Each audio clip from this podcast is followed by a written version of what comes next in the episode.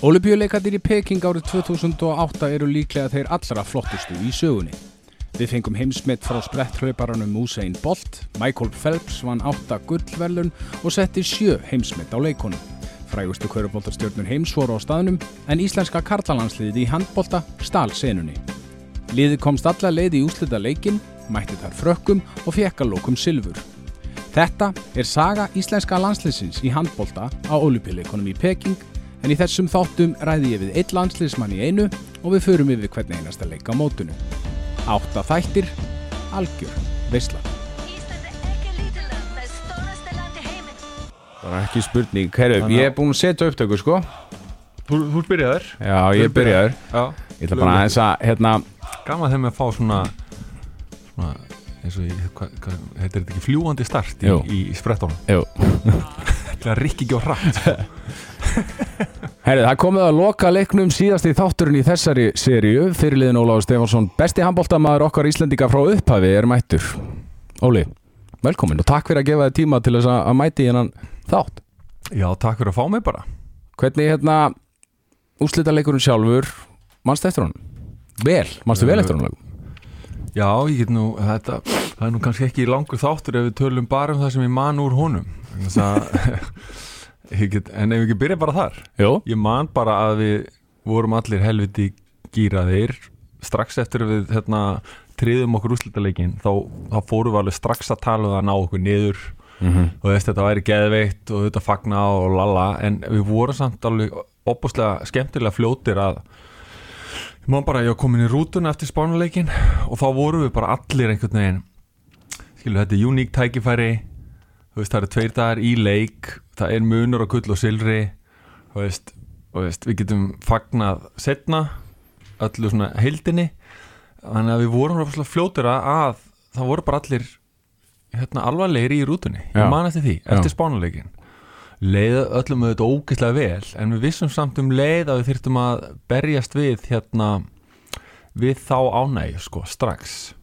Þannig að það hérna það var svona auðvitað innri gleði og allt en það einhvern veginn leiði við vorum ekki að leiða okkur að sína hana mikið sko. Mhm. við vissum allir að við ætlum að halda fókus og, og hérna þannig að það var svona það sem var fyrir hennar leik og svo gerðum við bara allt sem við unnum bara þá vinnu sem við höfum unnið og gerum hann undirbúningur, vídeo, ein æfing farið við frakkana og allt þetta og mætum bara í leikin bara nokkuð gýraði sko. Þessi tveir dagar sem Já. líða hann á milli Mhm. er þetta svona, eru tilfyllinga sveiflundar svolítið upp og niður, þú veist, er- ertu eh, sko eina stundina, við erum að fara að vinna á aðra stundina, heyrðu, Já. shit, þetta eru frakkandir við erum bara, við hefum ekki sensið á, eitthvað svona Mm, Já, kannski hættan náttúrulega inn, innri hættan var að þú vissir innst inni að þú myndir alveg eiga gott líf og daga og vikur og eftir þó þú myndir tapa fyrir þeim Mhm. og það er alltaf hættilegt Mhm. mín fílósofi er alltaf ef þú þessi hérna hræðilegsta setning uh, allra uh, tíma fyrir íþróttafólk er hérna ja, strákar, hérna skilir, þeir hafa, þeir hafa alltaf að vinna veist, þegar þú segir það þá ertu að kasta frá þér allri, öllum þroska möguleikum Já. sem að fylgja þessu lífi. Þú ert farin að gefa bara þeirri eitthvað meira skilið að vinna eitthvað heldur en þú sko. Mm þá ertu bara, þá ertu svona ómöðu þetta að setja bara hefur mátt tapa þessu leik við höfum enga að tapa, það er hræðilegsta setning sem að hægt er að segja við nokkurt lið sko, við höfum enga að tapa því þá, ég held ég bara viti af allum lið sem hefur þá unnið sko. -hmm. þannig að, en þessi tilfinning uh, augljóslega e, þegar þú nærið einhver svona sem er aldrei ná áður, þá ertu bara komin í uncharted territory sko. Og eitthvað svona stórt. Þá náttúrulega, þá eins og segi þá ertu bara komin í hérna hínum megin hérna inn í Stranger Things eitthvað svæði sko það eru bara einhverju gorgóils hérna og þú veist ekkert hver, hvar þú ert sko. Og þú reynir öll trikkin í bókinni.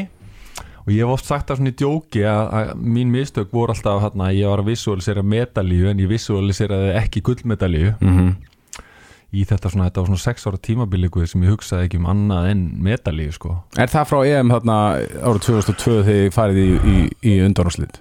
Varstu þá bara, herri, ég ætla að fara já, leið? já, já, bæði það og síðan mann í Portugal þá spiluðum við hennar leik um að komast olubílikana 2004 Mm og þá hérna náði ég þá svona smá breakthrough fyrir mig líka. Sagði ég svona hluti sem ég hefði áður ekki sagt og hafði hugur ekki til að segja þá. Og hérna í klefanum varandi þann leik spilaði þann leik vel mútið júkonum, það, var mjög skemmtilegt. var svona saga, þú veist, það var allir svolítið brotni búin að tapa tveim síðustu leikjunum, missa undinúrslutum, en áttir ennþá sens með sjönda setinu og ert með, þú veist, og þá þá þurfti svona ákveðið til þess að fá mig til að herri, fokk, við erum búin að vera einn í mánuð og við erum að spila leik um aðeinu, sko. Já, þannig að hérna, það var svona mjög þroskandi. Um, ég veit ekki hvað er ekki stattur kannski en, en, en á, það var svo mikilvægt að fá það mót skilur upp á 2008 Mhm. þá, þannig að ég fer inn í það mót snar geðu ykkur sko og loka mig líka bara af inni milli leikja sko. Snar geðu ykkur hérna með fúsa á herbyggi eitthvað og, og tali ekki við einn og mæti bara að skora ykkur átt mörg og er bara einhverju geðu ekki sko. Og hérna en er alltaf að skrá hjá mér í bókina sko. Og, og síðan líða fjögur ár og þá er ég alltaf með þetta mót og hvað ég lærði af því. Og mistökin mín í því móti var að ég var bara ekki félagsvera sko. Já, Veist, ég var ekki að gefa að mér. Dagur þurfti að sjá um það allt sko. Dagur var að pústa all út og, og, og hérna þú veist og taka brúna í milli gumma og var að taka alla fætana sko. Ég var bara svolítið í svona enga partíi sko. Þannig ég var ekki sko félags ég var ekki góður liðsmaður hann í aðinu mhm, þannig að ég hafði þó það og ég vissi bara, ok ef þú ætlar að gera eitthvað í þessu þá þarftu bara að fara inn á herbygginn og, og, veist, og vera að hlusta á hagalín og, og með strákonum og, og gera allt, skilur og, og þú þarf bara að læra það kallið minn. Mhm, Þú veist, það er ekkit hérna býtu, í hverju var það? Það var einhverjum, það var í tórmyndinni hverju munurinn á, já, hvað er superhero sem að er bara með one man show, já, skilur og það er the villain, sko. Já, Bóin er alltaf superhero en hann er bara eitt sko. Já, þannig að hérna, ég var kannski svolítið þannig í 2004 mhm, og, og hérna, og ef ég hefði ekki fengið það 2004 þá hefði ég kannski þurft að taka það 2008 sko, mhm. En þessi leikur þeir eru að fara að mæta þarna frökkunum og sko einu og hálfu ári sko áður að háa í Þískalandi 2007 Mhm. þá bara valtið yfir frakkana því að unnuð á eftirminnilega nánast of mikið, næstum því of mikið sem hefði verið sko slæmt fyrir ykkur hefði einhvern veginn farið upp í millriðil með sko færri stig heldur en að vinna það með þú veist sjömörkum sko þannig að Já, já, var það eitthvað sem við vorum með í kollinum? Þetta er svona nánast veist, Nei, nei, síðasta orðið þarna í þessum úslutaleik var eitthvað vannmatt sko. Já. eða einhver svona velliðuna tilfinning það er svona meira, ég kannski meira gaf það einhver svona trú á því Mhm. að þið gætuð unnið? Já, við vorum með trú, sko, það var ekki spurning. Við vorum bara ekki nógu góður, við hittum ekki á nógu góðan leik, við byrjuðum ekki nógu vel. Og ég leiði mér held ég líka með þess að gera þetta smá feila. Mm -hmm. Þú veist, í byrjun og þeir ná bara og þeir eru náttúrulega með klikka á tvo hotnamenn sem svolítið tæt okkur. Og þeir eru á þeim stað að við hefðum líklega uh, við hefðum þurft að eiga einhvern, ég veit ekki hvaða leik sko, við hefðum þurft að eiga til að vinna á en frakkar voru nefnilega búin að lendi því fjórum árum áður að þeir voru með geggja lið þá. Og þeir tapa á móti rússum í hérna áttalöguslutum og það er sjokk fyrir þá. Og rússar er ekki nærri eins góðir.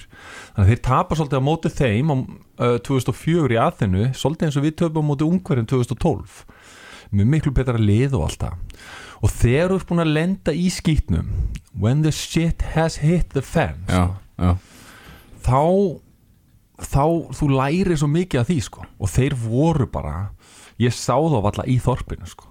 Þeir voru bara rétt í matsal og svo bara inn sko. Og voru svolítið eins og við. Að því við höfum lent líka í ágætis þarna kennslu 2004 nokkur okkar sem höfðu verið í liðinu fjórum árum áður. Og þegar þú ert búin að taka túristan á þetta og sérstaklega þú ert búin að lendi í einhverju þá kemur bara og þá, þá, þá, þá lokaru allt þetta sem er olimpíuþorpi sem er alltaf bara geggjaðasti staður heims. Já, og, hérna, og þá hættir bara þá ert ekki að byggja um einandar áriðanir hjá hjá, þú veist, úsæðin bolti eða eitthvað sko. Já, og þú ert ekki að fara einhverja ferð hérna, þú veist, á hérna múrin, skiluru og þú ert ekki að taka allt sem er í bóði fattar þú? Ert ekki að taka alla miðana og allt, þú bara ert ekki þar. Og við vorum þar að segja að vera bara í fókus. Og frakkarnir líku við ennþá meir sko. þeir voru bara bálreiðir hérna í mótinu. Þannig að við erum að hitta á bara þá í alveg rúðalegu seipi og fókus. Og hérna og bara engin skömma því að hafa tapa á mótið þeim sko. Já. ég held við, veist, við, við gerðum ekkert vittlust nema bara stundum er það bara þetta með Já. kosmosið sko. hvernig var stemningin, þú veist, í uppbytuninni og inn í klefa fyrir Já, allt leikin bara, allt, það var ekkert óeðlegt sko Svo bara erum við ekki nógu góðir sko Við hefum kannski unnið á einn af tíu, tvo af tíu kannski Mhm. Ég meina öfugt, þá vinnum við spannur og við hefum spilað fimm æfingarleiki við á þetta sama sumar og tapaði um öllum sko Mhm. Þannig að þetta er svona það sem er líka finnast Þetta er svolítið svona eins og hérna stígarnir í Harry Potter sko. Þú veist ekki, þeir reyfast og þú veist, þú getur verið bara í geggjöfu formi en samt lendur bara allt innu fyrir stígin og hann færis bara á einhverja hurð sem alltaf er ekki. Mm. þannig að það er eiginlega mest í lærtumar fyrir mig er að við vinnum spán þegar við eigum ekki að vinna þá og við töpum móti ungurum þegar við eigum að vinna já, einmitt. En tókst einhverja svona ræðu, fyrirleik, fyrirlega ræðu Nei, hérna sko ég tók, fyrir, ég tók ræðu 2003 það var svona alveg það var bygg ræða sem hefur setið í mér og hérna bara varandi þetta að ná fókus ólimpileikar og mikilvægi þess að, og planta þessari hugmyndu medalju, bæði Já. sjálf á mig og þá sem að voru þarna 2003 og hérna og það þurfti raunuru það þurfti enga ræðu sko að því þú veist þessi hlutir gerast ekki bara kortir fyrir leik heldur gerast þeir sko tveim árum að allir í liðinu byrja bara að æfa eins og þeir séu að fara að spila úslutaleik eftir kortir sko. Mhm. og það er kannski það sem, er, það sem ég var að reyna núna að varandi ég og við hérna eldri gæjar eigum að vera að gera við núna landsliðið okkar þessar stráka sem eru bara með geggja potensial Ómar og Aron Aron sem er svona okkar eigðu smári skiluru og þú veist, við erum að koma með lið Gilvi, Aron og þessi gæjar og svo er þetta með eitt svona eldur. Þannig að það er mjög skemmtileg blanda. Og, og svo eigum við hinir að vera svolítið að steyðja og þessi strákar eiga að hafa aðgangað okkur og þannig að við getum spara þeim svolítið hérna einhverjar, einhverjar svona fattaru, götur. Svipað og, og ég hef aðgangað Geira Sveins eða Júla Jónasar eða Koppa Sig eða þessum, þessum gæjum sem að fenga þefa af medalju hérna 92 skilur og þá getum við að spurt þá og þeir segja mér bara óleið, þú veist, hérna þú veist, já, þú veist, það er bara ekki ég veist, ég lendi þess og þessu þegar við spilum við frakkana, þú veist, þeir áttu séns, þeir tapa mútið svíum um, undan, um úslitaleikin og svo tapar mútið frökkum mástu, 92, sko. Já, já. þannig að við klifurum svolítið á þeirra axlir veist, þeir þurfa að lendi því sitti til þess að við komumst næsta skref. Mhm.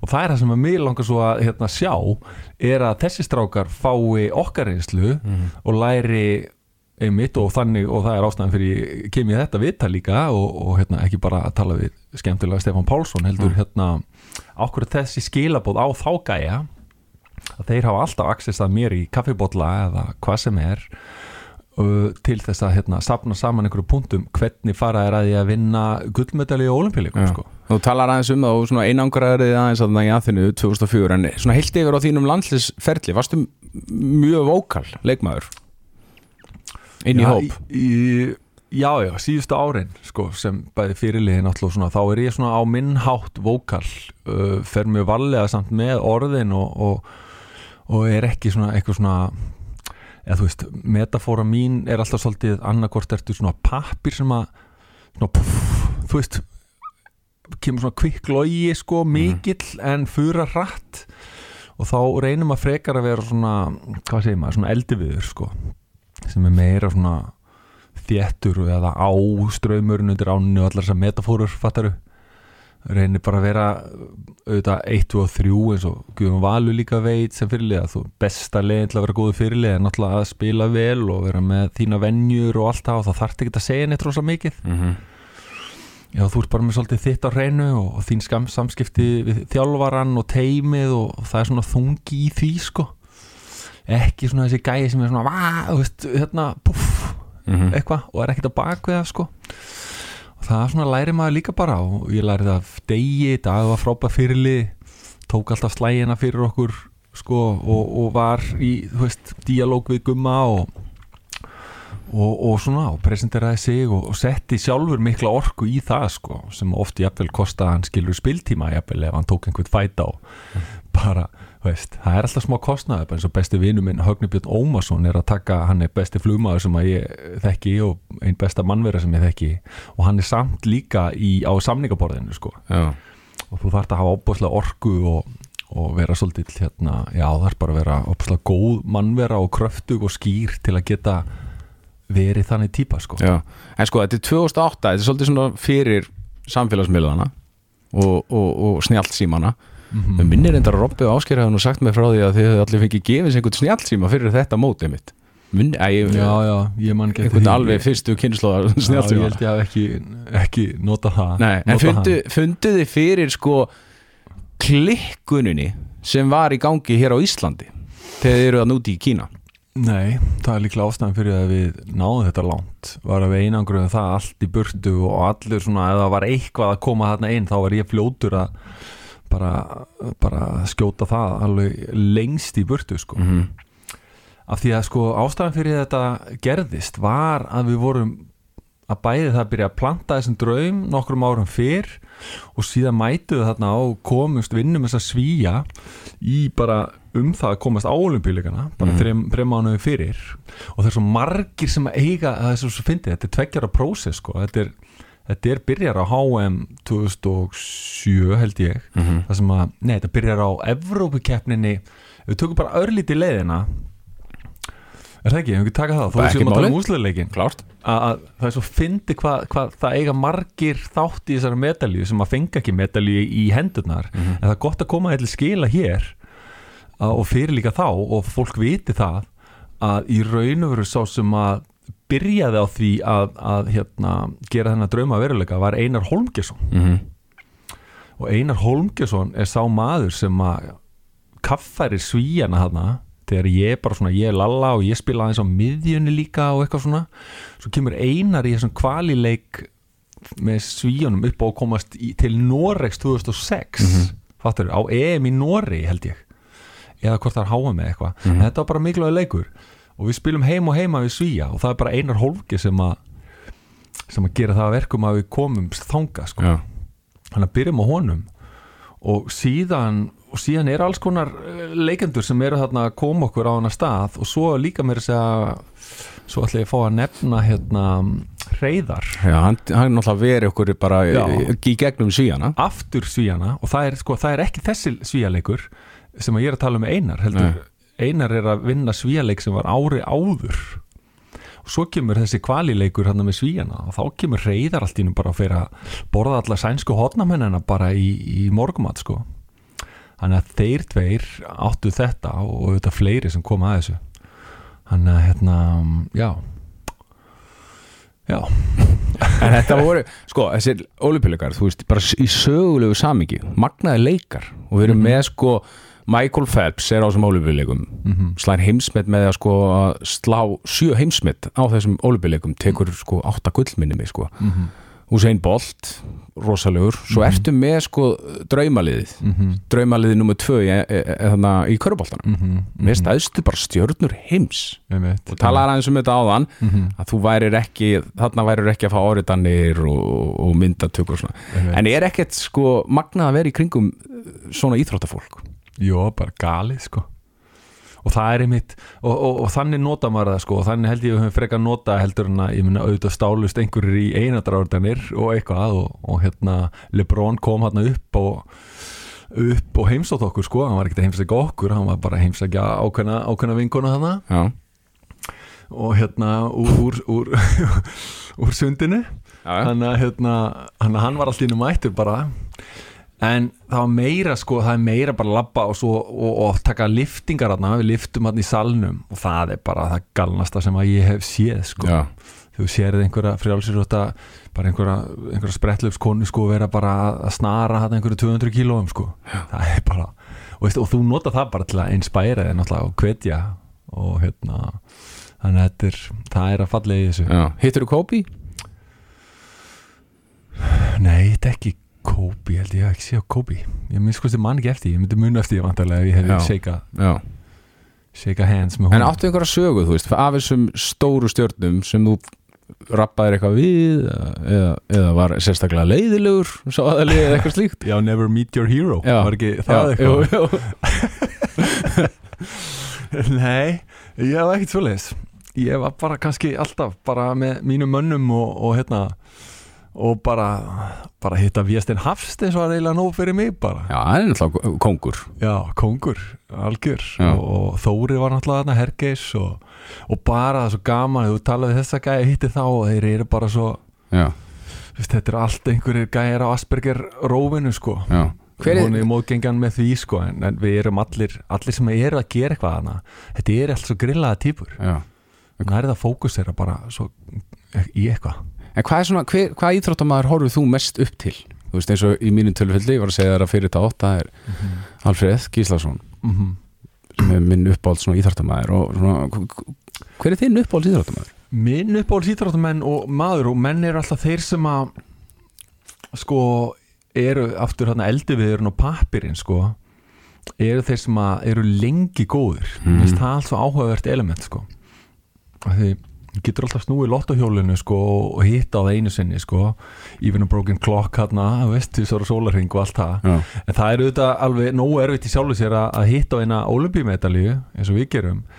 En hvað þá þau ferð að hitta á einhverja gæja sem hafa unni Wimbledon 5 sinum sko eins og Federer og þessi kallar. Mm eða Jordan sem að vinnur hvað 6 sinum eða hvað vinnur og einhvern veginn sem að það sem þú finnur einhvern veginn dr- dræfið og þú veist þú þarft að vera svo þrúaður af innri kvata ef þú ætlar að gera eitthvað svoleiðis Mhm. það, eru þeir, það eru þeir íþróttamenn sem að hérna, ég reyna að skoða og bara hvað er það sem að lætur þennan gæja eða þessa dömu tikka sko -hmm. Horfður á hérna Last Dance heimilda þetta um Jordan þokkalega Til- er heitt á sólinni segja nú bara Já, frábæri þetta Já. Tengdur eitthvað við, þú veist hvað hann lagði mikið á sig á svona ákveðnum sviðum Mhm. vera bara jafnvel fíbl til dæmis Mhm, mhm. við þinn feril Já, ég held að sem að svona, veist, ég komst við sko í þeim þáttum í hérna næst síðast eða síðasta þættinum þegar hann er að hann er svona að opna á það hvað engin skildan eiginlega og Mhm. hvað engin engin sem að eiginlega fekk ringsóltið út á honum þó þeir hafi allir lagt sitt að mörgum en þegar einhver einhver kemur og, og segir já, núkslega vondur og leiðilur þetta var bara ofbeldi og eitthvað svona veist, þá svona þegar hann fyrir að tala um þetta þá, þá, fer, þá kom alveg tári í augun á hann sko.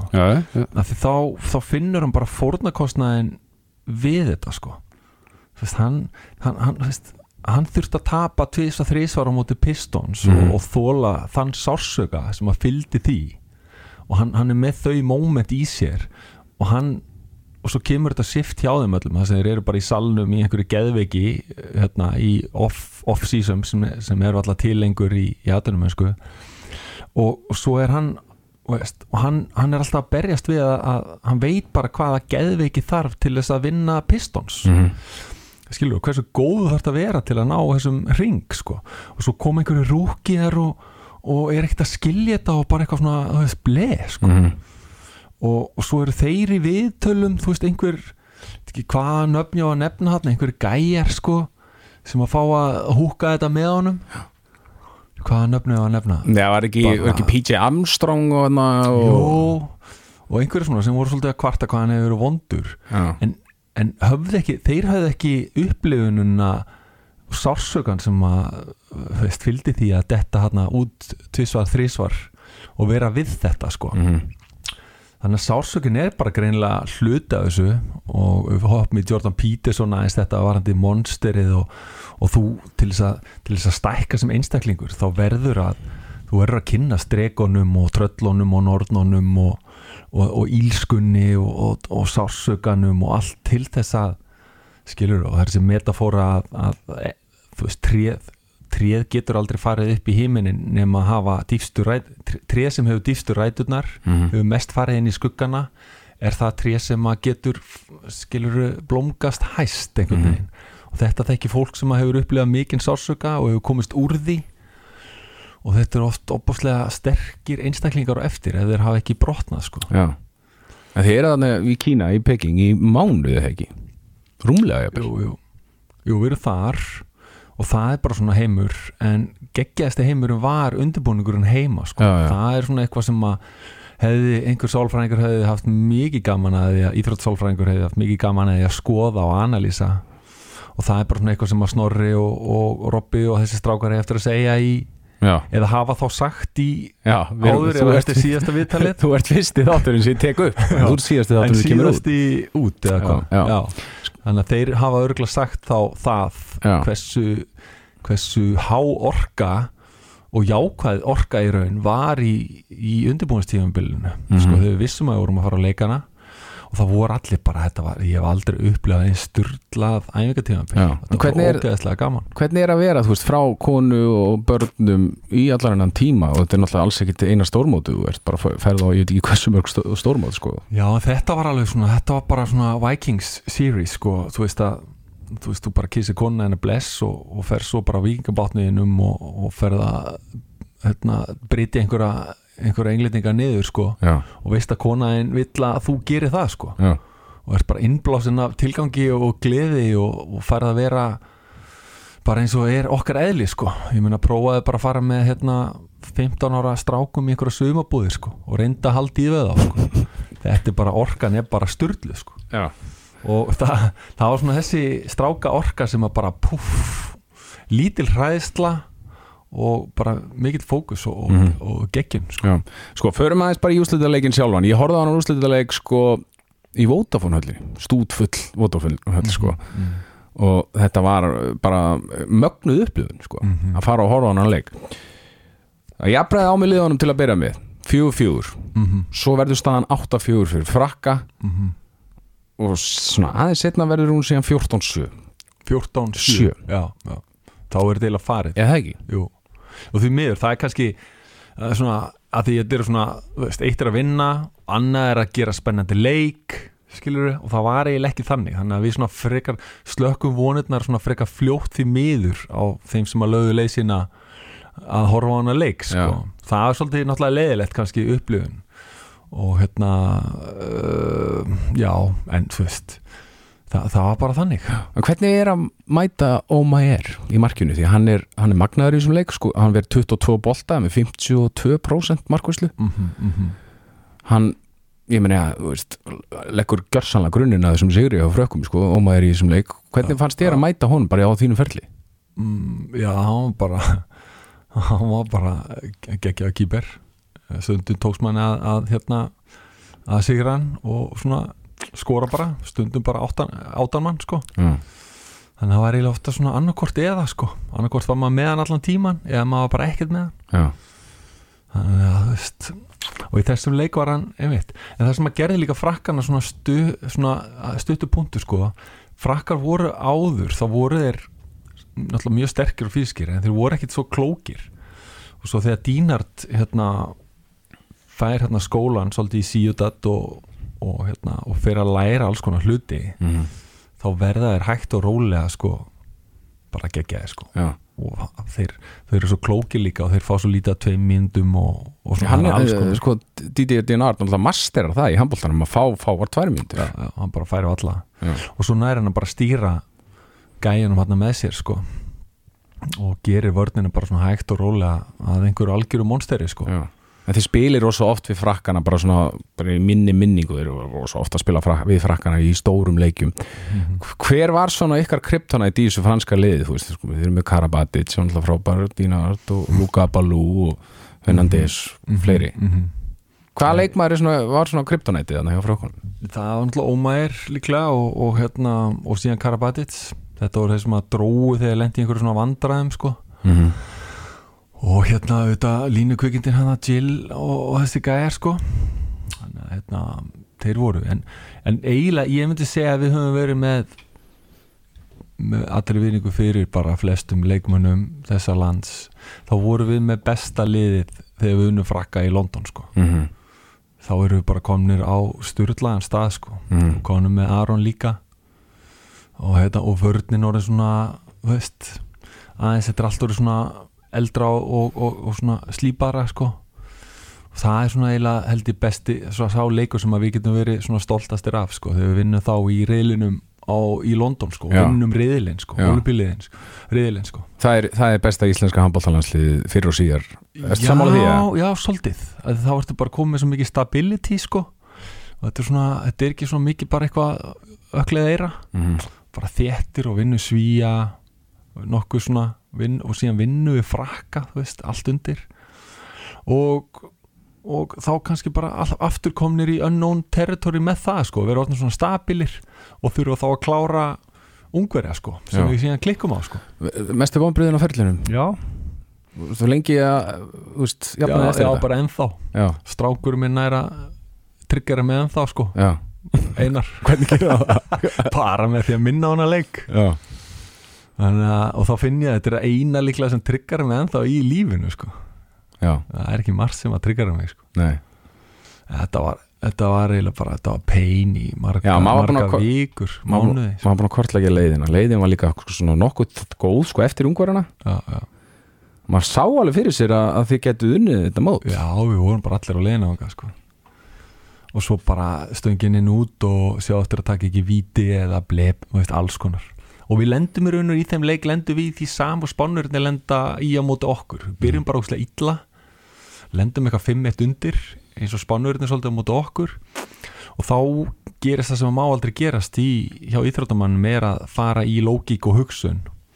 Og þú, þú missir tærleikan og, Mm. og kokkinessið og, og það er kannski það sem að er svona mesta sjokki fyrir mig að, að eftir allan ferilinn þá, þá, þá, þá var þetta þá nægi ekki að stjórna spennunni þarna alveg eins og ég hefði viljað sko. Já, því ég var búin að leggja svo mikið einhvern veginn og þannig að það er á þversagna kent þetta með með einmitt metnað og, og, og markmið að þau geta snúist upp í höndunum á þér ef að þú ert of mikið að setja já, fókusin á markmiðið og svo þau finnur að það geti verið að molna þá þarf þetta að hafa einhver tækja tól til þess að stjórna spennunni sko. já Ég sko, ég er ekkert sérstaklega hrifin að tala um hefni eða óhefni í íþróttum En ég meina þarna í þessum leik þá náttúrulega er rosalega óhefni líka bara hvernig markverðun ver vítakasti frá snorra, hvernig hann fer upp völlin, þú veist, það einmitt. alltaf ganga upp til þessi einmitt.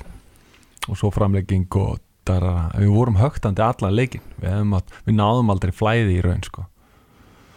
þannig að ok Nei, við skulum ekkert að tala um þetta, þetta er, þetta er, þetta er eitna, mér finnst eiginlega sko, uh, ég er svona sárari eftir sko leikin gegn dönum 2007, mér fannst ég nefnilega að vera með frábært lið á, á þeim Já, móti líka, já, já, já. það fannst mér eiginlega, ég held ég hef ekki talað við mannesku í svona törra á daga eftir þannleik sko. Nei, það var líka það var líka fjandi Já. Tölum um eitthvað skemmtilegt á. Herðu, Nei, nei, förum í skuggana líka. Ekki spurning, en við lærum að því. þetta franska lið, er þetta meina besta liðið sem þið mættuð á, á, á þínum landslýfsferðu, voru það alltaf frakanir? Já, ég held að við erum bara svona fysiskt alltaf sterkari en við sko. Og þess vegna var nú mjög skemmtilegt að sjá hvernig hérna Ómar og Viggo fóru með það hérna um daginn sko. Já. hérna, ég veit ekki hvort að það gerist aftur. Jú, vonandi þannig að, jú, þeir voru bara þeir voru bara þeir voru bara geggjaðir og Mhm. alltaf, voru alltaf erfiðastir sko. Og líka maðurstu hérna áttum ekki líka tók okkur hérna síðan árið setna maðurstu í, í hérna Austuríki Mm -hmm. áttum við ekki breykið á heldur í, í undanúsla Já, er það ekki, er það ekki 2010? 2010, já, Já, 2009 eða 10 já. Þannig að DJ Ötzi mótið þarna. já, já, já ég man að þeir voru bara, maður átti ógæslega erfitt með þá sko Já. Hver er, sko, besti handbóltamaðurinn sem þú mættir? Mátt núna velja bara hvaða handbóltamann sem er. já, alltaf ekki verið Karabatit sko einhvern veginn og, og svona þessi, og Jíka og þessi kílgæjar Mm -hmm. þeir voru fjandanum að svona rétt svona slappa ná að vinna þarna tvisari champion sko, áður eru þið ennþá meiri monster sko Já. þeir voru svona að byrja hana Jíka og Karabatit og hérna og ef við mættum hérna einhverjum árum setna þá veit ég hvort við munnið það sko Já. En sko, mín, ég er mjög svona, hef mikið áhuga á þessari spurningu. Hver er svona mesti hrottin sem þú mættir? það byrjum við mest í hróttin Ég, hef verið að ræða þetta svolítið mikið við setjubylgjudrengina og þeir eru með einn mann sem ég ætla nú samt ekki að segja á Já. nú svarar þessu. Ok, þeir, ok, ég er spenntur að heyra já, uh, hvaða hrótti sko sko frakkarnir allir svolítið, þeir voru svolítið í sínum heimi og þú varst ekkert þeir eru svona ekki sósjál þú ert ekki heilsaði mikið og þeir eru ekkert mikið eitthvað að blanda geði. Mm þannig að þeir eru svona svolítið hrottar hvað það var þar svona, fau, svona fautabröð og gauð sem er að reyna með þig bara. já, þannig. Um, það kemur enginn í hugan sko. er Ígor Vori, Ígor Vori Ígor Vori, Já. já, hann er flottur. Hann er alltaf gekkja leikmaður. Leikmaður. leikurinn fer 28-23 5 marka tap. Mhm. og það er bara ekki til að skammast þeim fyrir og, og svo, svo þitt, það tekur svona tíma fyrir ykkur, svekki ykkur svo fagniði bara, eðlilega, það er frábær árangur. Mhm. uh, þú skorar 5 mörg úr 11 skotum. Veistu, svektu með sjálfa þig eftir hennar leik? Já, ég held að. Ég held að, þú, þú náttúrulega Þetta voru svona, þetta voru svo skrýtna tilfinningar sko. Þú veist, þú veist að taka við þannig olimpíumedalíu en ert búin að tapa leik og veist ekki hvort þú ert að vera leiður eða glaður. Og, og ég svona ég man ég var ekki mikið að pæla í statistikinu minni. Um, þannig að en svona eftir á eh, fyrst 11.5 er náttúrulega aldrei gott. Og kannski hefði ég geta ég veit bara, en þetta var einhvern veginn þannig leikur ég, ég veit ekki hversu góður ég hefði þurft að vera til þess að hérna til þess að við hefðum munnið þetta sko. Ég hefði þurft að taka jafnvel eitthvað sjó sko. Ég, veit, ég, bara, ég bara hérna- þessu sko, ég, ég er ekki með stóðsendinga tölfræðina er bara, ég bara, gat- fann hann ekki. Mm -hmm. hún hefur sennilega verið uh, góð og veit það ekki, ekki. En sko, ég maður hann bara eftir viðtalið sem ferði við Adolf Vinga á sinn tíma hvað þú vilt að ég skori sko eh, hérna, átta mörg úr, úr, úr sex skotum og, og tíu stóðsendingar eitthvað svo laus Já, ég ætla að nota tækifæri og segja fyrir geðu Adolf fyrir allt sem ég hef sagt ljótt við en hérna, þú veist fannst þér í stundum svona einhvern veginn við Íslendingar vera svona heyrðu, hann er ekki að skora ná mikið? Já, mig? Já. Já, já. Nei, ekkert ósengjant sko. Ég var rosalega varkár leikmaður sko. Sérstaklega til að byrja með sko. Ég held ég hafi bara Ég held einhvern veginn Já, ég held ég bara að vita að ég var ekkert ég, ég náttúrulega held ég telja mig vita betur heldur en einhver upp í stúku hvort ég muni skor úr færi eða ekki sko. Já, og kannski aðeins og varfærin til að byrja með sko. Já, líka bara sko, það er kannski ekki fólki heim í stofu, Jón Jónsson heima, mm. kannski áttar sér ekki á því sko hvað þú ert að gera þó er ekki einu svona stóðsendingu, né skorir ekki, heldur bara hvernig þú ert að opna vörnina hjá andstæðingunum, bara með alls konar reyfingum og færslum. Mm Fór þetta einhvern tímann í töðan að þér? Gaggrínina sem varst kannski að fá á stundum? Uh, nei, eiginlega ekki sko af því enginn í þessari gaggrinni hefur einhvern veginn áhrif á hvort að ég kemst inn í eitthvað lið eða að ég skilur, ég var alltaf bara er kótsinn, er hann að lesa það sem ég geri Mm -hmm. Já, ég ætla rétt að vona og, og liðsfélagarnir sko Já, skilur það, því að á endanum er, er alltaf, þú ert alltaf að reyna að gera félagina eina betri sko og, og það er rosa kunst að finna millivegin í því sko, hvernig á ég að skora og vera stór, hvernig á ég að draga eins úr mér til að ná einhverjum öðrum inn sko, þannig að það er rosa kunst í því að, lesa og það lærir maður bara svona á löngum tíma og eru betur og betri í því sko. Þú veist, ef maður byrjar þá er maður bara í sínum enga heimi mm og, og nota bara hvert að hamra á markið eða, eða gera eitthvað sjó sko og svo hægt og hægt þá lærir það að, að þú getur eins og, eins og ég lærið þarna 2004 sko. Það er ekki nóg að vera með 8 mörg úr 10 skotum sko. Og samt tapar, við með 5 á móti króatíu sko. Já. það þarf að gera eitthvað meir sko. Þannig að þá byrjum maður svona að skoða það og, og svo líka lendi ég svo geggjuðu liði þarna í síudat sko þar sem þú ert með þjálfara sem að sem að kemur til þín kannski eftir mánu þar sem þú bara búin að vera með 2-3 mörg að meðaltali og hann kemur bara og segir bara, Óli, þetta er bara, þetta er bara búið að vera besti mánuði sem þú spila fyrir hennar klúb sko. -hmm. og maður er bara, ok, yeah Veist, þessi hérna, veist, þessi sér leikin sko. Mhm.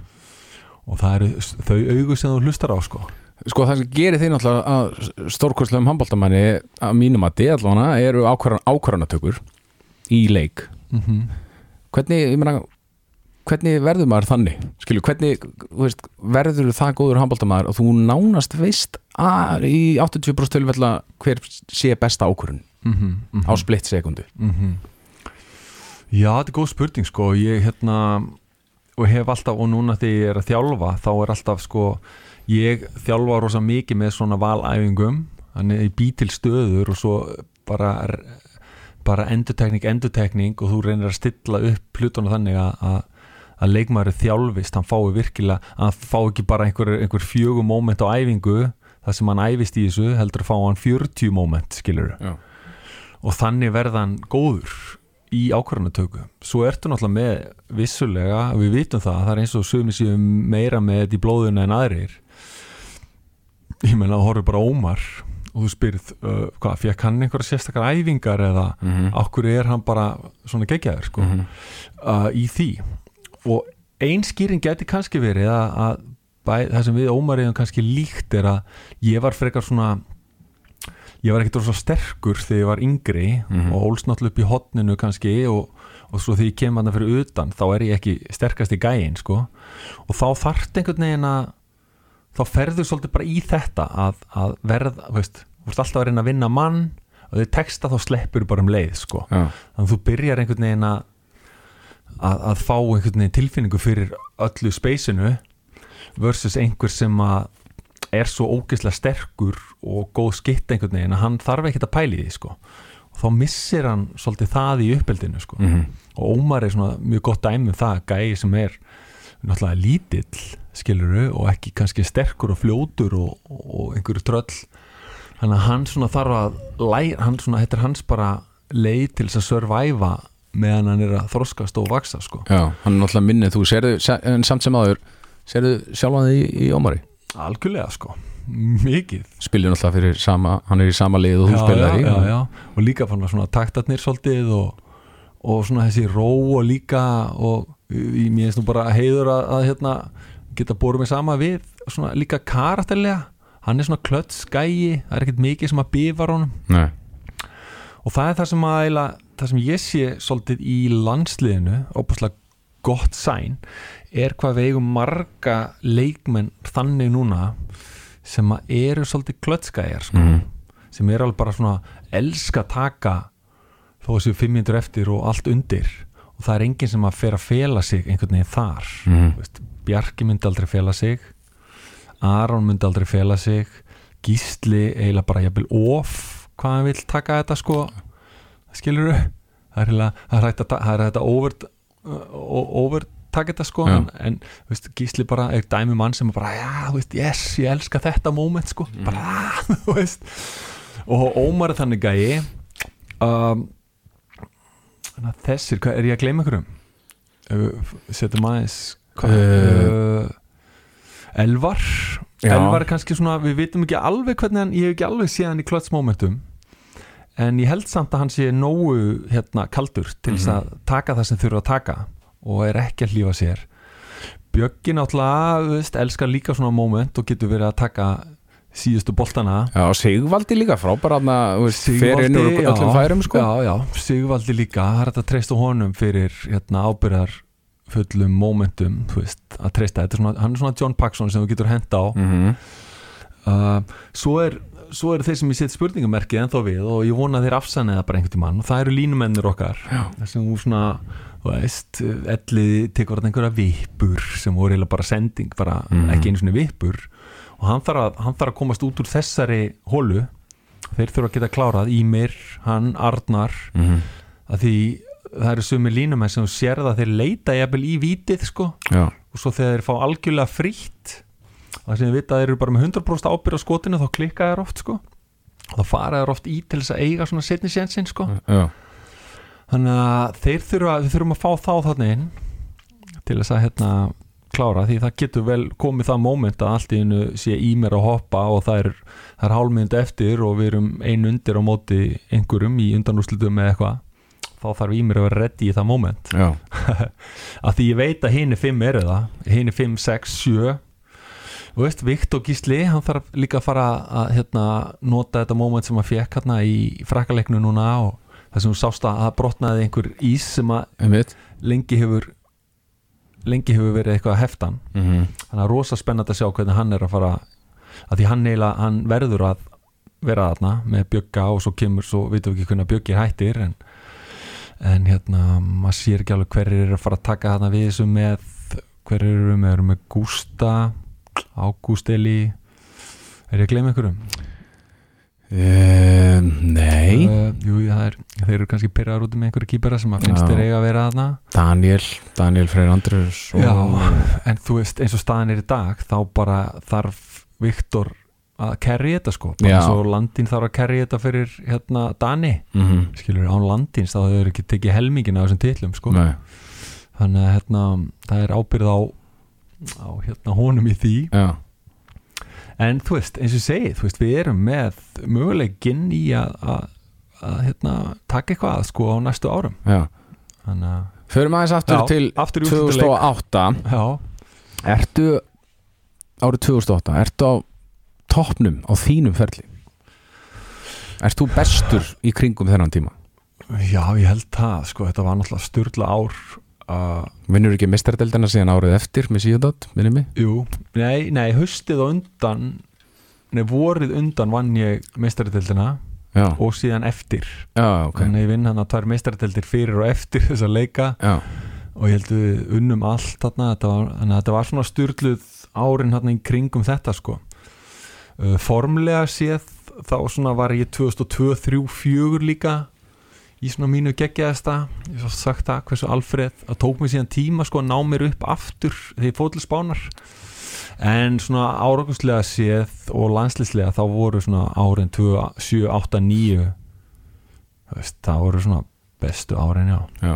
Hvernig er að standa á, á palli á olupíleikunum? Fá medalju? Það er bara hvernig á að lýsa því?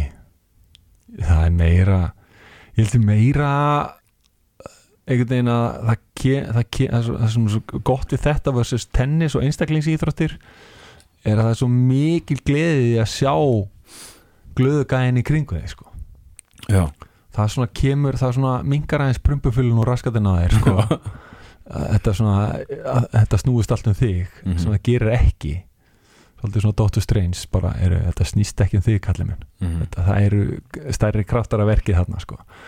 og það er kannski sem að þá fallegasta við þetta er að þú horfir í kringu þig og þú sér glaðan Guðjón Val og þú veist að þessi gleði domino effektast inn í hans fjölskyldu og allt í kringum hann Arnór Alla, Logi þú veist allir þessi gæjar Mm.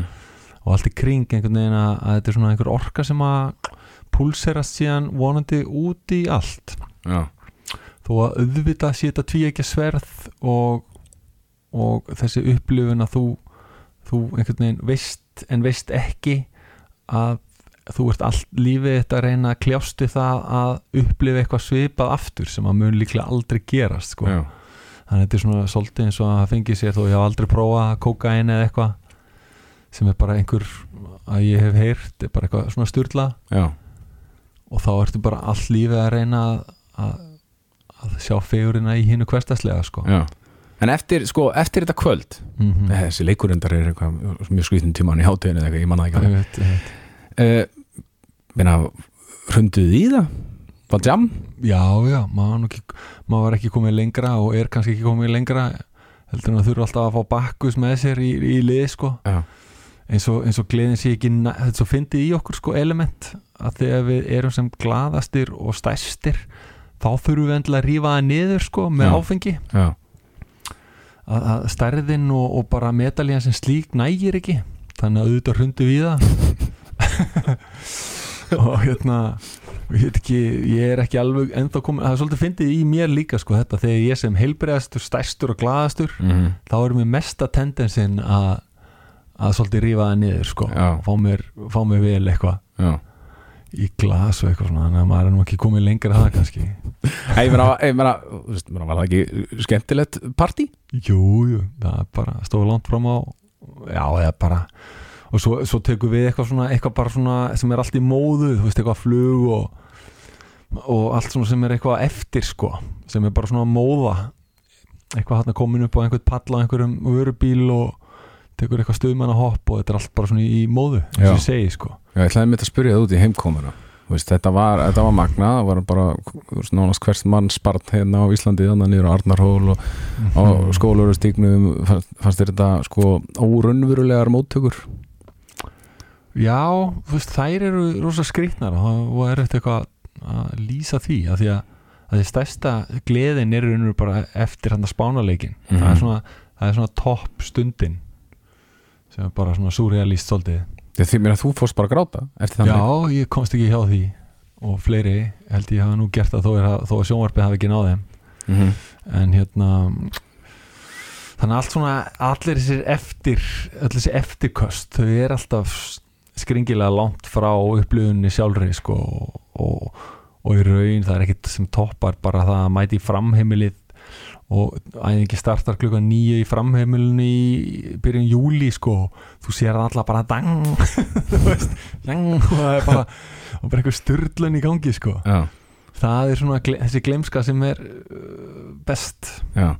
Hver, eh, sko, ef þú mættir velja eina svona óvænta stjörnu hjá íslenska landsliðinu á þessum ólupílikum Nei, það eru bara næstu því allir sko Mhm. ég held ég fá að taka bara alla og við byrja bara á, helstu stjörnunni sem er Bjarni Fritz sem er sem tekur það sturla hlutverk að sér að vera fyrir utan hópin en samt inn í hópnum og þarf einhvern veginn að ganga í gegnum það helviti líklega að horfa okkur í einhver Mm. geggju væpi sko og kemur síðan og, og er alltaf peppaður og glaður sko og hérna tekur æfingarna með okkur, kemur inn í þorpið sko, að hann fær ekki að vera inn í þorpinu, fattar þú?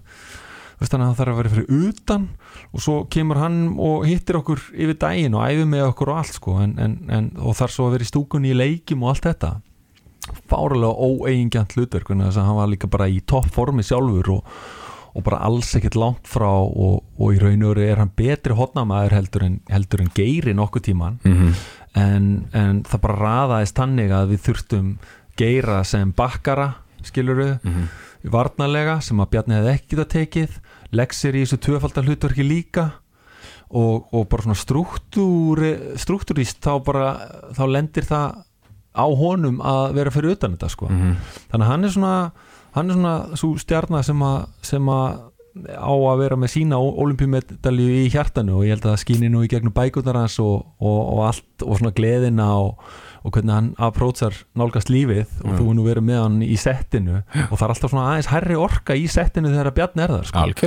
Og hérna og það er svona þessi orka sko sem að, sem að fólk vannmetur og, og bara það að horfa á Bjarni þegar hann er í settinu að, að þetta er svo minna hvað við erum að segja heldur bara hvernig erum við, hversu Mhm. glaðir erum við og rosa Bjarni fyrir bara hvernig, veist, hann er glaður og hann, hann bendir á það skemmtilega í þessu öllu og þegar hann er að kommenta á allt og það lifnar allt svolítið við. Mm og þú finnur það örugglega sjálfur bara þú svolítið lifna við og byrjar að spegla orkunas Algjörlega. Þannig að hann er svona fyrsti og hérna, að því hann kemur bara með og veist, þú hefur ekki verið með einhvern gæja sem hefur bara verið drullu fúll og svo þegar hann kemur þá bara svona þá finnur einhver prumpulitt og hann, eða þú finnur hann ekki en hún kannski tógar allt svolítið niður. Mm og hann var bara, hann var bara í raunur í íþróttasálfræðinginu svona ómeðvitað sko, eða meðvitað. Og, og hérna gerir þetta óslega vel. Svo, ekki bara vel, bara frábælega þannig að hann er hluti af, af hópnum og fólk sk- skal muna það endilega. -hmm. og hann sjálfur bara og hérna allt þannig að, þannig að já lesa bækurnar að spjarna sko. og hérna og líka IR er ekki að fara að þjálfa IR Jú. Jú, hann er IR er heppið að fá hann sennilega aftur byrjar að þjálfa í er núna þegar þessi Sennilega, þáttur kemur já, út já. Þannig að það er í, fengur að fá hann aftur fyrir IR ég, ég hérna, samgleist IR að hafa þá bólmag til þess að hérna, að fá hann aftur sko. mm -hmm. Uh, síðan eru þetta, ég meina Stulli kemur með góðan leik hérna á móti rússonum sem er mikilvæg leikur og Já. við veitum hvernig það er farið ef við hefum tapað þeim leik og hann kemur mjög sterkur í eina leikni sem að Gauji Gauji dettur út og ég sá sem að þurfti að upplifa Gauji hérna þessa, þessa daga sem að, sem að hann var átt, það var ekki skemmtilegt sko. Já, ég sé alltaf sé eins, eins hérna svona eins mikið svona steam svona engine reyðan brjálaðan sko bara að vita að hann spilaði ekki fyrsta leikin sko. Þannig, að- en hann var fljótur að koma sér aftur í gýrin og hérna svo er náttúrulega bara, það er allir sem að það er allir sem lögðu eitthvað, eitthvað að mörkum sko. Logi stígur svolítið upp mútið spánurum já, Logi er náttúrulega bara með galin leik hérna móti uh, hérna, spánurum og vinnu þann leik fyrir okkur. Í raun, svo er Bjöggi hittir á þennan og þennan leik sko og, og bjargar okkur þar, reyðar kemur þú veist, það er allir, vörnin síðan tikkar ég meina Diddi Diddi og, og Sverrir komum með eitthvað element sem við höfum ekki átt áður. Bara ógeðslega sterkir og fysiskt og við náum þeim einhvern veginn að að binda þá orku. Náum smá svona intelligence í það og struktúr. Og svo er svona fúsi bak við á og, og kom með og hjálpa okkur hérna í held í pólverileiknum og hjálpa okkur í einstaka. Þannig að þú veist það, ég held að finnist öllum ég held að sé örgulega þá ekki einn maður í hópnum sem að á ekki eitthvað mikilvægt moment sko. Já, í þessu öllu þannig að allir, já, allir bara contribute feitt sko Já. Hvar setur þetta, þetta er náttúrulega ótrúlegu ferill sem við átt sko í handbóltanum og átt á baki Hvar setur þetta mót? Þetta mót var náttúrulega bara eiginlega það stærsta því að þú veist, uh, fyrir mig og líka svona fallit hvað þetta tekur óslega langa tíma ég byrja 92 í, í landsliðinu Já, og hef með alls konar gæja þar og þeir eru allir allir virðingaverðir miklir höfðingjar og mistarar og geðeklingar sko sem að maður hittir hérna á. Þú veist, eins og bara ég spilaði náttúrulega með Patta Jó og, og, og Degi lengi og ég voru svona þrýrað komin í ákveðna orku og komum inn í lið sem að, sem að var bara sko, hvað er að segja einhverju millimetra frá því að ná í olimpíumetali já, Þa, þar komum við inn og fyrir síðan inn í tímabil sem við erum oft tæpin á 5. setinu að HM í Japan. Erum alveg með gott lið sko, en erum alltaf svolítið frá medalju og þannig að ég er einhverju tíu ára að ströggla veist, aldrei einhverjum medalju pælingum beint, en, en ég þarf að taka það, þannig að Mhm. það er svona mitt mitt ítrótt pistons tímabil. Þarf að sitja helviti oft annarkvort ekki komast upp úr reilunum eða eitthvað ble á þjakaður.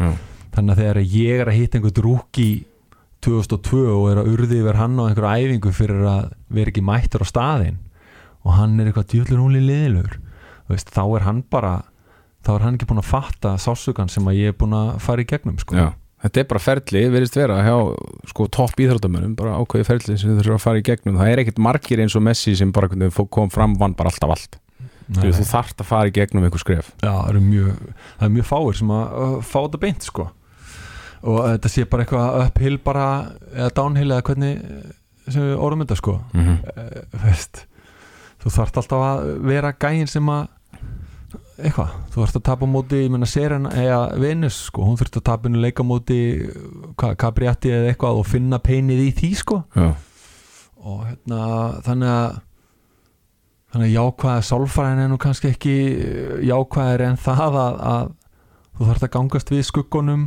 þarft að samþykja sársugan sem hluta af þessu og það er raunur jákvæða sálfræðin er, er að auka territorið við skuggana samþykja þá, Mhm. skilja þá og einhvern veginn notfæra þeir þá sko til þess að verða ennþá stærri alltaf sko já Besti þjálfarinn sem þú verið með?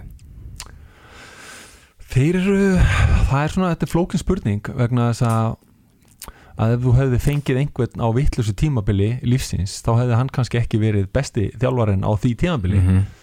skilur og ég er bara svo heppin að hafa hitt á, á svona góð, rétta þjálfara á ákveðnum augnablikum yngri flokka, ef við tökum bara frá byrjun veist, Teddy Guðfinns var bara besti yngri flokka þjálfari sem hægt var að hitta á. Að því að hann, hann, hann sett svo mikið hérna, fókus á leikin við fengum að leika okkur svo mikið. Það var allt svo gaman og, og alltaf að spila og alltaf einhverja æfingarleikir og svo smá sósial í kringum þetta og svona, þannig að hann var bara besti skilur við og líka hittum á eitthvað lið og við bara töpum ekki leik í yngir flokkunum sem er náttúrulega svolítið gali. Já, og hérna og síðan farið að hennar skáta höfingja Þorbjörn Jensson sem var bara teikuð við þér og er bara geggjaður svona social coach og með, með einfaldar svona einfaldar filosófíu og, og, og fallega og leiður mann að spila vörn og byrjar að treysta manni og, og bara geggjaður coach þannig en, Mm. en þú veist, ég hef aldrei getað haft þó að Teddy Guðfins hafi verið frábær og Toppi hafi verið frábær þá er ég ekkert endilega með Toppa síðan sex ára setna, skilur nei, þannig að þá fæ ég Viggo Viggo var frábær fyrir mig hérna þegar hann fyrir með mig til Wooper kennir mér, lætur mig hoppa og velja og svona og kennir mér alls konar góða hluti sko, pluss það bara þykja svolítið væntum hann sko Mhm. og fær svona íslending með þér. Svo fæ ég að kynnast hérna, skuggunum og lendi í erfum austuðískum kóts sko sem að næstu því brýtu mig. Mm og hérna og það var svona skuggi sem að ég þurfti að læra og er svo heppin að fá síðan Alfreð sem er bara geggjaður. Og þannig einn af, já, besti kótsinn geggjaður. Og svo beint yfir í, já, svo aftur í erfiðan gæja svona spænskan fasista í tvö ár þraukað mjög erfið tímabil og svo og svo yfir í talant og þessa meistara sko. Já, og svo að fá að kynast Óla Lindgren og Sænska og, og svo Magnús Andersson og eitthvað svona bara mikill heiður að fá að kynna svona köllum sko. já. Þetta er kannski mjög erfið spurning Já, þetta er mjög erfið spurning að taka eitt hann út fyrir svega sko. ég ætla að koma eina erfiðari. Uh, Eftirminnanlegasti handbóltalegur á æfiðinni Getur þú svarað þessar spurningu? Já, ég held sé, svona, það sem poppar fyrst í hugan er bara úslitileikur við Kíl setni af því að við eigum lélegan leik heima og töpum með tveimur þremur. Og ég raunur fyrsta skipti sem að svona talant svona bara þú veist, þú átti eiginlega ekki geta unnið Kíl á heimavelli sko, þeirra. Já, þannig að það var svona svona ákveðið sjokk fyrir allt liðið og jafnvel fyrir hann sko. Og það voru allir og vorum í meðsli Mettlisitt er ekki með og Rudenka er held ég líka meittur og við erum í alls konar svona vandræðum og meðan við erum bara að sjá þarna eitthvað monster lið. Þú veist að, og erum að fara á þeirra heima alltaf sem að þeir fari gegnum held ég næstu í búndislíkuna tablisir sko. Og það er í lengin að regna með að við náum bara að vinna leikin sko. Og þá detti ég á einhvern bara eitthvað, í eitthvað styrla flæði sem að ekki er hægt að plana og ég er einhvern veginn það ég er líka smá svona reyðir út í talant þannig að það kemur svona smá reyði í mér. Mér finnst hann hafa gefist upp á okkur smá mhm, sem er mjög óvanlegt hjá honum. Þannig að hann átti svona svolítið kærulegslegan fund þarna fyrir og mér fannst bara, byrju, er hann, er hann búin að missa trúna á þessu? En kannski bara er hann það klára hann bjóð til það atmo í manni einhvern veginn. Mhm. Og svo bara dettur maður í eitthvað flæði og, og, og allt, allt liðið dettur úr náttúrulega með Sterbik og Kjellmann og, og svona Kalla sko sem er náttúrulega bara geggjaðir og, og, og Kílna er ekki alveg að hitta á þetta sko. Þannig að það er svona eftirminnilegasti að því að hann var bara svo mikið surprise sko. Já, líka bara hjá þér persónulega Já, sko, persónulega, bara, bara- frábær leikur. bara klikkaði leikur sko. Ég vissi ekki að þetta inni sko. Og ég var búin að vera alltaf passífur í fyrirleiknum. Skaut bara ekki nóg, talandi um að skjóta ekki nóg. Þá var ég svona með einhverja línusendingar sem að virkuðu ekki og þannig að ég fór svolítið inn í leikin bara þú verður, það er ekkit, þú nærði ekkit að hika þú verður bara að hrökkva eða stökkva bara eins og Kristinn Björns þegar hann í, fór í brekkurnar henni í gamla dag Já. það var bara annarkort nærði medalju eða þú dettur sko. já, þannig að ég nota svona Kristinn Björns sem að metafóru fyrir það og, og hérna, þannig ég fór í kíleikin þannig annarkort bara skýtur þið út úr liðinu á, á tíu myndum eða þetta virkar sko Já. og þú verður að fá það út skilur að því að þeir fara ekkit út og sleppa bara með að blokka allt og trista á, á ómær þess þá opnast ekkit annað sko mhm, þannig að það var í rauninu bara og svo bara virkaði það. Já. Þannig að En talað Já. Dutchebæf, náttúrulega magnaði maður, ég sé hann sko á HM 95 á Akureyri. Mm bara einhver útrúlega handbóltamaður sem ég spila, sé spila íþróttina. Já, og svo verður hann þjálfari. Mhm. og hann er greinilega svona, þetta er svona skrítin típa því hann svona kýlir gumma gumminni svona í pungin sko. Já, já, já, já. hvernig, ég meina, hvernig hvernig, hvernig gaur er þetta? Uh, Því hann er ennþá bara á, to, hann er bara topplevel þjálfari í dag náttúrulega. Já, hann er, hann er mikill mentor sko. Og hann sé, að því hann, það sem hann kennir manni er svolítið svona þessi strísmaður og, og, og þessi ruddi og, og hrotti fantur og að lífi sé ekki, þú veist. Hann var alltaf svolítið á móti svona þessu, þessu okkar svona sænska, þessu skandinaviska social 50% skattkerfi Já, það sem að allir eru eitthvað hérna bara með í vörinni og slagir og, mm. í einhverju tækirfötum og allir hafa það svo gott og enginn hefur lendin einu sko. þannig að, þannig að hann kendi mann og, og svolítið þetta að lífið er bara ekki svona sko. Mm Þú veist, hann er bara búin að lendi alls konar seti og einhverjum her og þarf að kýla í veggi og, og bara til að þjálfa sig og, og er hann í hægra hotninu sem að útskýrir hérna, hérna, hérna skotin hans. Já, hann er í hægra hotninu, hann er bara 18, 19 já sko. þess vegna er hann með þessa hérna, kringlu skottækni sko.